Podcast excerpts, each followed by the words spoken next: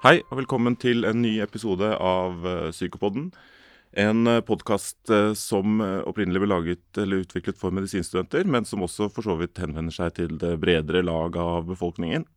Vi har hatt en liten pause, som mange sikkert har hatt i livene sine på et eller annet vis, nå i forbindelse med korona og litt sånne utfordringer knyttet til innspilling. Men nå er vi tilbake i universitetets lokaler, og i dag så har vi fått med oss Petter Andreas Ringen, eh, som er leder av forskning- og innovasjonsavdelingen på eh, Klinikk psykisk helseavhengighet på Oslo universitetssykehus. Så langt var det. Eh, hei og velkommen, eh, Andreas. Ja, takk for det. Eh, og jeg heter Erlend Garsjord eh, og skal lede samtalen i dag. Og Eh, tema det er eh, somatisk helse og levevaner hos eh, mennesker med alvorlige psykiske lidelser. Eh, og det har jeg tenkt at er et veldig viktig tema. Eh, og så er mitt spørsmål til deg, da, til å begynne med. Hva, hvorfor er det så viktig? Det er viktig fordi det er et tema som bidrar til mye oversiktlighet, overdødelighet, i denne gruppen. Eh, og vi, har, vi, har, ikke hatt så stort fokus på det. Så vi har blitt mer eh, oppmerksom på det senere årene, eh, at det er et, en utfordring vi ikke har tatt ordentlig. Men mennesker med alvorlig psykisk lidelse dør jo 15-20 år før andre eh, den generelle befolkningen. Og 10-15 år anslås å være pga. somatisk eh, sykdom, altså kroppslig sykdom som er grunnen til at man dør før. Ellers er det jo pga. ulykker og selvmord. Mm. Men 10-15 eh, år pga. kroppslig sykdom, spesielt hjerte-karsykdom. Ja, så da den forventede levealder eh, sånn og bare sånn røftlig, da, sånn er jo da rundt 80 år kanskje i befolkningen generelt, men hos, hos denne gruppen så er den da et eller annet sted på lavt 60-tall, er det riktig å ja, Det er mange befolkningsstudier som har sett på dette. da, så, så det vises jo litt forskjellige tall fra forskjellige studier. Men Eh, det er i spennet mellom eh, ja, 15 til 20 år. Store nordiske registerstudier har jo sett på dette. Sett mm. på tusenvis av mennesker og fulgt dem over mange år. Og, og finner sånn den type tall. Mm. Ja. ja. og det er jo bekymringsfullt. Så sier du at vi ikke har hatt så stort fokus på dette inntil på måte de siste ja. perioden. De siste ti årene har vi vel hatt ganske stort fokus på det, men eh, økende i hvert fall. Men, eh, men, det er ikke noe som har hatt et eget fokus. Uh, og, og, og, det har vært litt glemt. Uh, så det er en sånn Det er en liten sånn Hva skal jeg si for noe? Det er kalle skandale, skal jeg kanskje ikke si. Men, men, det er ille at vi i mange år ikke har hatt et eget fokus på akkurat den utfordringen. Ja, ja. Og så sier du det at det er, en, det er, noe av den overdødeligheten som kan forklares av ulykker og selvmord, bl.a. Og det er da kanskje typ tid, altså tidligere i livet at den type ting eh, rammer en del av disse menneskene? Ja, for psykoselidelser ja. er jo ofte risikoen ofte stor i starten, ja. ja mens, mm, er, mens, den somatiske oversykeligheten og, og, dødeligheten den kommer på en måte litt senere i livet, og kanskje da eh, også litt senere ut i behandlingsoppfølgingen. da. Eh, det kanskje kan være en utfordring i forhold til dette?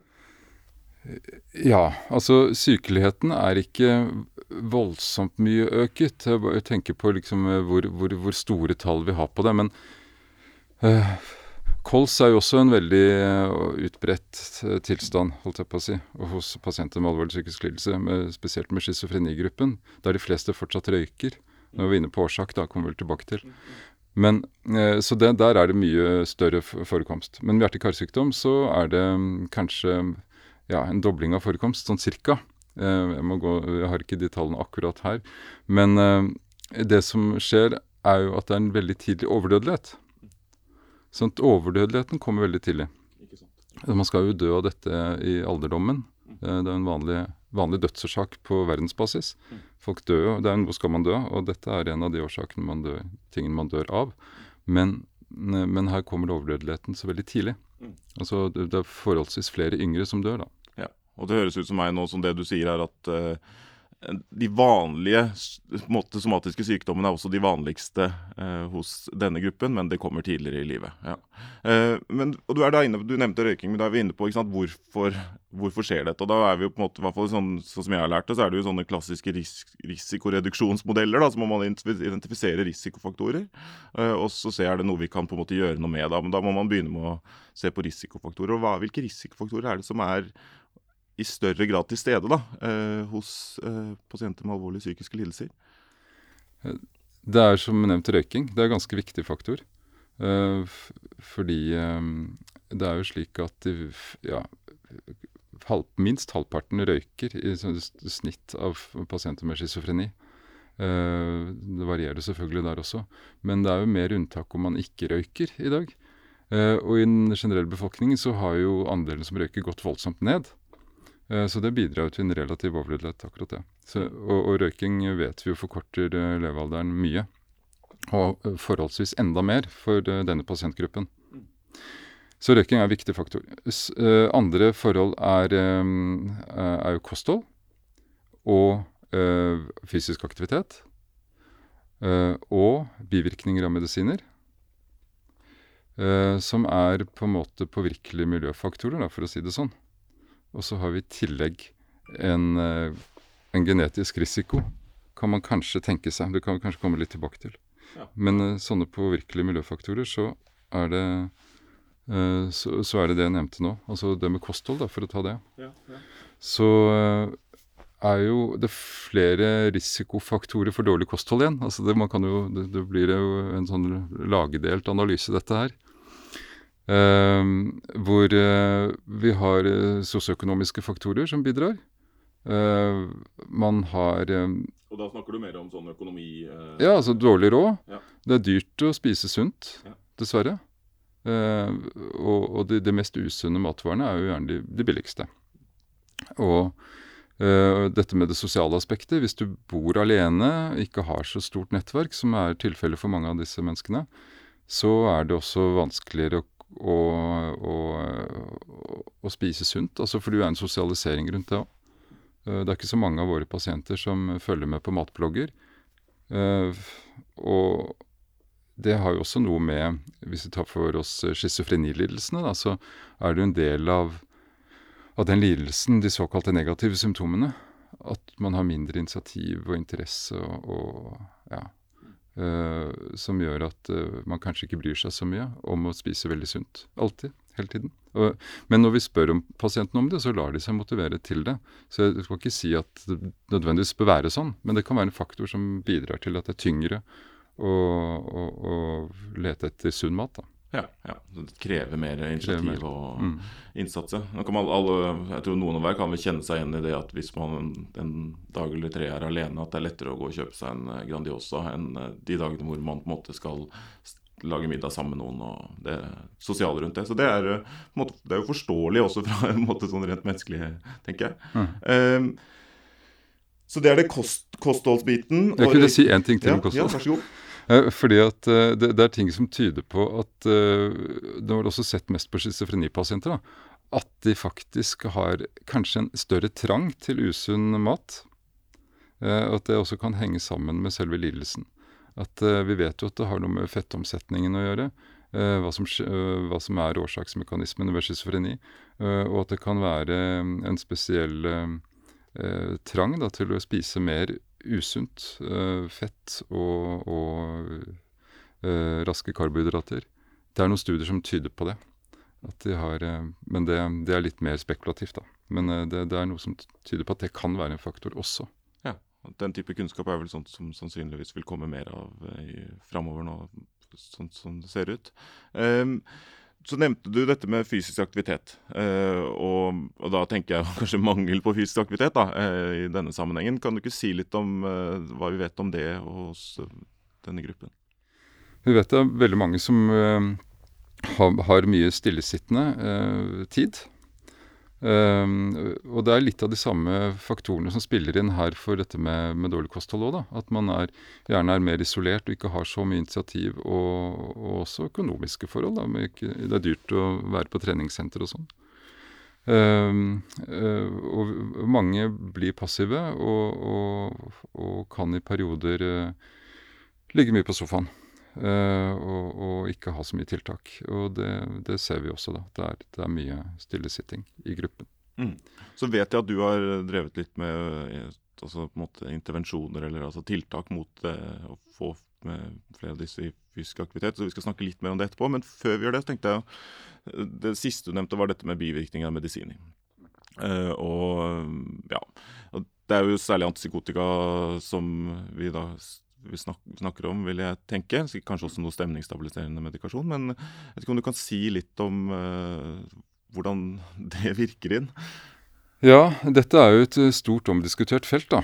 Eh, men det er jo ikke noe tvil om at eh, mange får stor vektøkning på spesielt eh, noen typer antipsykotika. Og det vi jo, har vi observert veldig tydelig hos mange. Og vi vet jo at det er forskjellig vektøknings- og bivirkningsprofil på de forskjellige antipsykotikaene. Så, så, så um, det kan jo være voldsomt. Ganske kjapp effekt hos noen som begynner med uh, spesielt olanzapin og, og klosapin. Uh, som uh, da kan få vektøkning på 10-15 kilo veldig raskt. Og, og for et ungt menneske er jo det dramatisk. Og det er kilo det kan være vanskelig å bli kvitt etterpå. Uh, og vi vet også at disse um, legemidlene de påvirker metabolismen på forskjellig vis. Uh, som også kan bidra til uheldig um, kolesterolnivå og sånn, som igjen er en risikofaktor. Bare nevne bare til de som ikke er så godt kjent med alle disse navnene, så er jo da olanzapin og klosapin det er jo da henholdsvis Cyprexa og Leponex, da, som noen uh, kanskje drar mer kjensel på. Uh. Ja, det, det, gjelder jo ikke bare dem, men, men de er kjent for å gi kanskje mest vektøkning. Og det er også de mest potente, da, de, de mest virkningsfulle antipsykotiske virkningen på akkurat de to er kjent for å være tryggest effekt, for å si det sånn. Og så er det vel kanskje verdt å nevne i denne sammenhengen også at en del antipsykotika, eller de fleste antipsykotika har jo en mer sånn uspesifikk dempende virkning, som også på en måte kan medvirke til den til, altså, redusert initiativ og tiltaksløshet som er viktig å ta med i den sånn type Nettopp, vurdering. Det er også et godt poeng. Mm. Ja. Um, Samtidig så er det det der som du sier et omdiskutert felt. for Hvis man ser på noen registerstudier av de som, altså i forhold til hvem som lever lengst, eh, så er det vel ikke sånn det å stå på antipsykotika nødvendigvis et onde eh, eh, i registerstudier? Det er jo også Det er nettopp derfor dette er litt omdiskutert. Fordi i Fikk jeg vann i halsen her. I, eh, I, disse registerstudiene, så Dette er også fra svenske registerstudier, så har man jo ganske store tall. Så har man funnet at der hvor det er høyest over, overdødelighet, er faktisk den gruppen som ikke har brukt antipsykotika i det hele tatt. Og Så så de nærmere på tallene, så så de at, um, at, det var en forskjell mellom de som hadde høye doser, og de som hadde lave doser. Sånn at uh, de som hadde, hadde lave doser, de hadde minst overdødelighet. Uh, og de som hadde høye doser, da lignet det mer på de som overhodet ikke hadde brukt antipsykotika. Så, så, så, eh, den totale effekten altså på total dødelighet av antipsykotika, den er omdiskutert. Uh, vi kan ikke si at, um, at, det, at, det bid, at, det, er slik at det bidrar til å øke dødeligheten. Det, det kan vi ikke si ut fra de tallene bare det får en sånn assosiasjon til den der debatten der hvor det, Dette her, det leder oss inn til at det er ikke noe enten-eller her, men mer riktigere bruk av um, antipsykotika som sannsynligvis er veien videre. Ja, Det store poenget er nettopp det. og det er jo å, er jo å følge veldig med når vi starter med antipsykotika. og Følge med om det blir om bivirkning, om det blir vekt, vektøkning. Det er jo ikke alle som får det. Så vi bør være mye nøyere med å følge med på vekt og liv i det, helt fra starten av. Uh, og hvis vi ser at det kommer en vektøkning, så vi flinkere til å revurdere medikasjonen og skifte. Nettopp. Og vi skal nevne da etter hvert uh, Eller vi kan jo ta det kanskje med en gang. fordi at du har, uh, Når du er inne på dette, så har jo du vet jeg har vært med på å, eller vært en sentral pådriver for å innføre nettopp et sånt type oppfølgingsregime, kan man kalle det. hjertefrisk. som jeg tror er blitt distribuert ganske mye rundt omkring i, eh, på, på, de, på kontorene, iallfall til eh, psykiatere og leger i spesialisering i psykiatri. Men kan du ikke si litt om hva det er for noe? Jo, uh, det er jo et en oversikt over hva man bør tenke på eh, når det gjelder kardiometabolsk risiko i denne pasientgruppen. Det er jo en idé som egentlig kommer fra Australia. De har, har, en tradisjon for å tenke ganske mye nytt der. Så det er fra området ved Sydney hvor de har laget en sånn oversikt. Og så har den blitt, eh, kommet i en engelsk versjon, som har blitt en del av de britiske, eller vært engelske, får jeg si da, eh, nasjonale standardene. Eh, og så har vi fått laget en norsk versjon. Uh, og Poenget der er jo at vi, det blir en slags matrise. da, For du deler opp i seks risikoområder hvor røyking er én, og kosthold er én, og fysisk aktivitet er én, og høyt kolesterol er én, og vekt er én, og, og, og, og um, glukoseregulering er også én. Uh, og så uh, har vi definerte terskelverdier for, hva du ikke, for når du, du skal trenge tiltak, og så står det definerte tiltak og definerte mål. Og det er Eh, tenker jeg noe vi trenger som klinikere. da, Å, å få det liksom på papiret veldig lett tilgjengelig. Hva er det vi skal følge med på her? Hva er det vi skal gjøre for noe? Hva er det vi skal oppnå? Mm. Så det er uh, Ja, og det er et egentlig ganske hva skal man si, et oversiktlig verktøy. og jo, Det er jo lett å finne på nettet nå for alle. Hjert, bare søke opp 'hjertefrisk', så er det jo da to sider man kan eh, printe ut, rett og slett. Og fint å ha hengende på kontoret for de som følger opp pasienter som bruker uh, antipsykotika. Det og der er det også egen sånn skjema for hva du skal følge med på de første ukene, eller, første, eller generelt da, når du starter med antipsykotika. Hvilke målinger du skal gjøre når og sånn.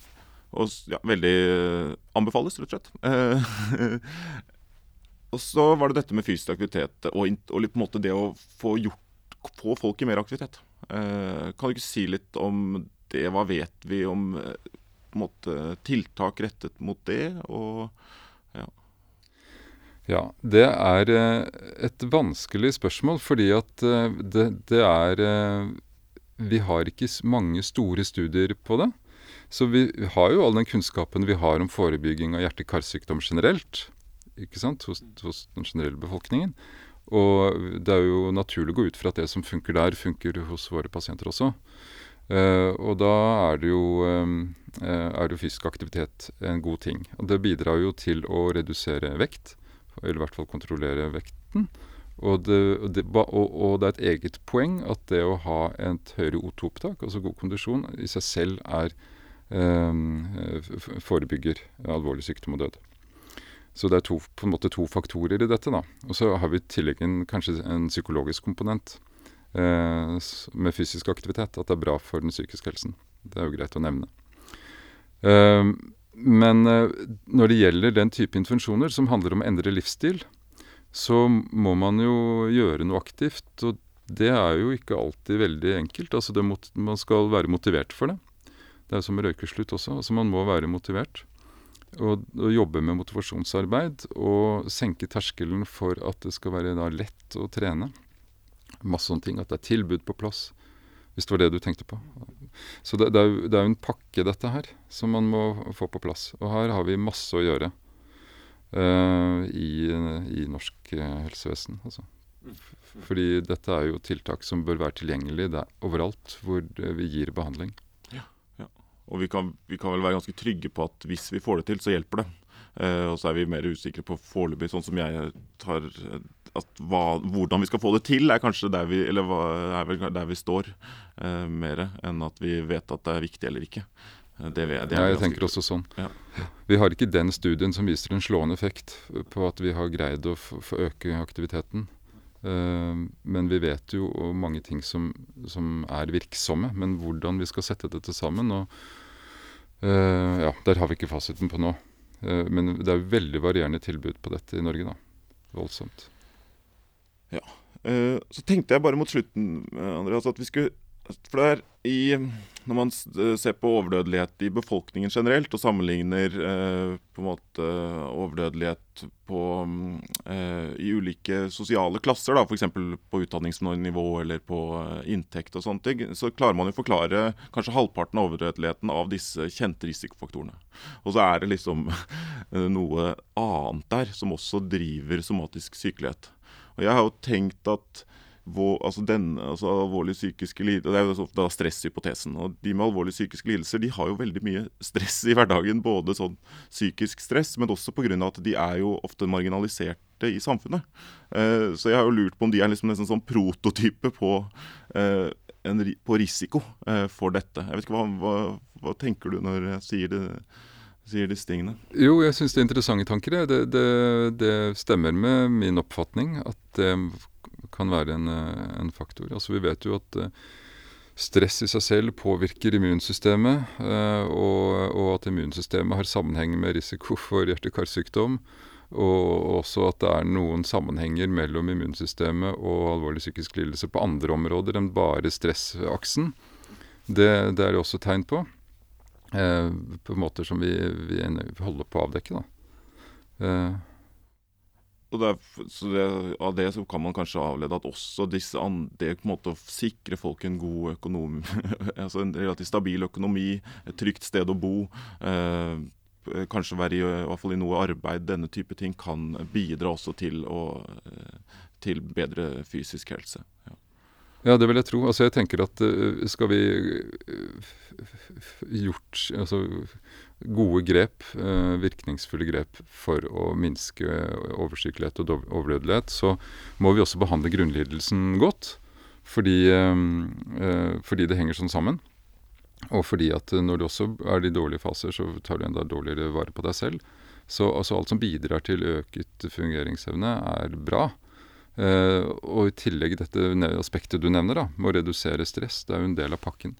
Fordi det i seg selv må være en veldig sannsynlig bidragende faktor til økt risiko. Enig i det. Flott. Eh, dette Vi innledet med å si at jeg trodde dette var viktig, og det er ikke blitt noe mindre overbevist om det. Eh, veldig fint å ha deg med, Andreas. Eh, og det kan hende at vi inviterer deg igjen til andre eh, tema. Eh, da tror jeg rett og slett vi bare takker for denne gang, og så høres vi igjen.